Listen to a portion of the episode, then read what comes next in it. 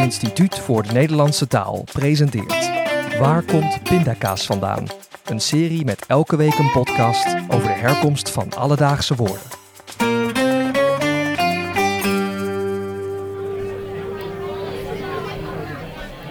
Stel je voor, je zit in een bruin café. Het is herfst, je hebt al een aantal bokbiertjes gedronken, genoeg misschien wel. Maar toch neem je nog één afzakkertje. Dat is iedereen wel eens overkomen, toch? Moet je natuurlijk wel van bokbier houden. En van bruine cafés. Zo niet, dan zijn het toch interessante woorden om eens onder de loep te nemen. Want waarom heet het een bruin café? En heeft bokbier echt met een mannetjescheid te maken? En wat zakt er eigenlijk af bij een afzakkertje? Dat hoor je in deze aflevering. We duiken daarvoor eerst in de geschiedenis van het café. Ja, en ook van het woord café. Dat uh, komt dus uit het Frans, wat je aan de spelling natuurlijk wel terug kunt zien. En dat betekent gewoon koffie, wat ook al voor de hand ligt, maar waar je misschien niet vaak aan denkt als je in het café voor de alcohol komt. Maar uh, koffie dus. In Europa wordt het sinds halverwege de 17e eeuw pas gedronken en het was meteen een enorm succes. Voor de welgestelde burgers ontstonden er koffiehuizen, die naar Frans voorbeeld cafés werden genoemd. Frans was namelijk de hoftaal, dus ook de taal die de welgestelde burgers graag spraken. En voor de rest van de bevolking waren er talloze tapperijen, bierhuizen en herbergen waar geen koffie, maar alcohol geschonken werd. Die tapperijen en bierhuizen waren natuurlijk wat minder chic dan de nieuwe cafés. Maar ook zij gingen zich langzaam cafés noemen, omdat die koffiehuizen al eenmaal de betere reputatie hadden. Maar er werd ook thuis gedronken. In het begin van de 19e eeuw ontstond er zelfs een nieuw soort drinkgelegenheid: het huiskamercafé. Ja, grappig hè? Mensen stelden hun huis open om zo een beetje bij te verdienen. In Vlaanderen was er tegen het einde van de 19e eeuw in één van de zes huizen zo'n huiskamercafé te vinden.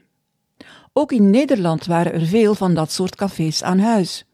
Tot 1881, met de invoering van de Wet tot regulering van de handel in sterke drank en van de beteugeling van openbare dronkenschap. Vanaf dat moment had je een dure vergunning nodig, waardoor dat beetje bijverdienen niet meer ging. Ook in België kwam er een vergelijkbare wet, maar pas in 1919, waardoor ook daar de huiskamercafeetjes stilaan verdwenen. Nu doen de hedendaagse bruine cafés wel heel erg denken aan zo'n rustiek 19e eeuws huiskamercafeetje. Zeker als ze traditioneel, een beetje ouderwets zijn ingericht, met schaarse verlichting. De sfeer is intiem, huiselijk, gezellig en zo'n beetje alles is van hout. De vloer, de meubels, de muren. De overheersende kleur in bruine cafés is dus ook echt bruin. Vandaar de naam. En er mocht natuurlijk ook nog gerookt worden. Dus wat dan niet bruin was, de gordijnen bijvoorbeeld, werd dat vanzelf wel. Ook daarin lijken ze op de vroegere huiskamers. Ja, en de sociale functie is natuurlijk ook vergelijkbaar. Mensen ontmoeten elkaar onder het genot van een drankje. En dan zijn er veel keuzemogelijkheden. Bijvoorbeeld in de herfst komen er vaak bokbieren bij, wat vergeleken met pils een zwaarder en donkerder soort bier is. En op het etiket zie je dan vaak een bok afgebeeld, een mannetjescheid bedoel ik dus. Maar dat is een bok met een K, terwijl het bier met CK is. Klopt dat dan eigenlijk wel? Nee, helaas. Bokbier is een verbastering van Einbeck-bier. Dat is bier uit de Duitse stad Einbeck en dat schrijf je met CK. Al sinds de 12e eeuw werd daar een speciaal soort bier gebrouwen dat ook ver buiten die stad bekend werd. Rond 1600 gingen ze dat bier ook in Beieren maken, zo'n 400 kilometer verderop. Einbeck-bier klonk in het lokale Beierse dialect zoiets als ambokbier of oonbokbier. En dat werd weer ingekort tot bokbier, omdat ze na verloop van tijd dachten dat oon een lidwoord was. Oonbok, een bok. Dus die naam bokbier is een heel eigen leven gaan leiden. En vervolgens vanuit Beieren in veel andere landen terechtgekomen, waaronder ook in Nederland en Vlaanderen. En zo kwamen wij dus aan het bokbier. En die geit op het etiket? Dat komt door de spelling van het woord. De oorspronkelijke spelling is B-O-C-K, maar inmiddels schrijven we het ook vaak vereenvoudigd op als B-O-K, zoals de mannetjescheid. En vandaar dat er af en toe zo'n beest verschijnt op het bieretiket, terwijl het er dus eigenlijk niets mee te maken heeft. Oké, dus een bruin café heet zo omdat zo'n beetje alles van binnen er bruin gekleurd is. Maar bokbier heeft dus niets met geiten te maken. Hoe zit dat dan met ons laatste kroegwoord, afzakkertje? Waarom heet dat zo? Als we het nu over een afzakkertje hebben, betekent het meestal gewoon het laatste drankje. dus na een avond bier drinken neem je nog één afzakkertje voor je naar huis gaat. Maar dat is niet altijd zo geweest.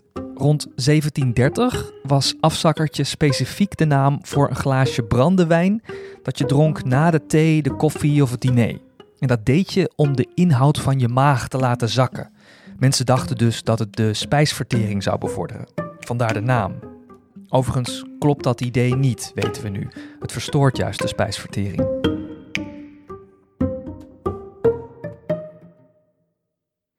Uiteindelijk was het pas in de 19e eeuw dat afzakkertje ook de betekenis kreeg van het laatste glaasje voor vertrek.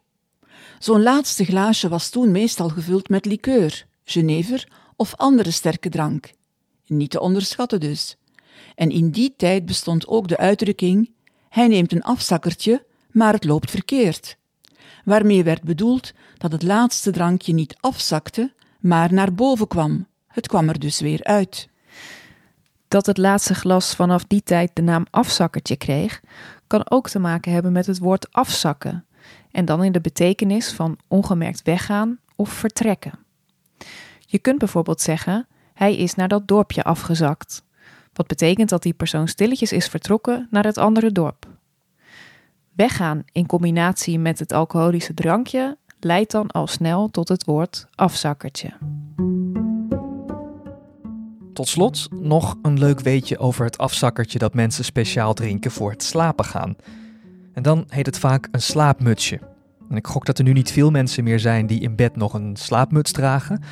Maar vroeger, vanaf de middeleeuwen, was dat heel gewoon. En het woord mutsje werd toen ook gebruikt als inhoudsmaat. Een klein glaasje van 150 milliliter. Dat kon je bijvoorbeeld tegenkomen in recepten, dat je er een mutsje olie bij moest doen. Vanaf de 17e eeuw werd het mutsje een gangbare hoeveelheid voor brandewijn. In de werken van Bredero vinden we bijvoorbeeld de zin: Daar stonden die brandewijndrinkers en dronken het mutsje om twee blanken. Vertaald naar het Nederlands van nu staat er: Daar stonden die brandewijndrinkers, zij dronken hun mutsje, brandewijn dus, van een paar centen. En die twee betekenissen, muts als hoofddeksel en muts als hoeveelheid sterke drank, werden aan het begin van de 19e eeuw gecombineerd in de woordspeling slaapmutsje, een borreltje voor het slapen gaan. Bedankt voor het luisteren. Je hoorde Frida Steurs, Casper Stalenhoef en mij, Laura van Eerten. Waar komt pindakaas vandaan is een podcast van het Instituut voor de Nederlandse Taal, gemaakt door Casper en mijzelf. Met dank aan Thomas Haga voor het meeschrijven en Michel van der Zanden voor de muziek. Wil je meer weten over woorden? Ga dan naar onze website ivdnt.org.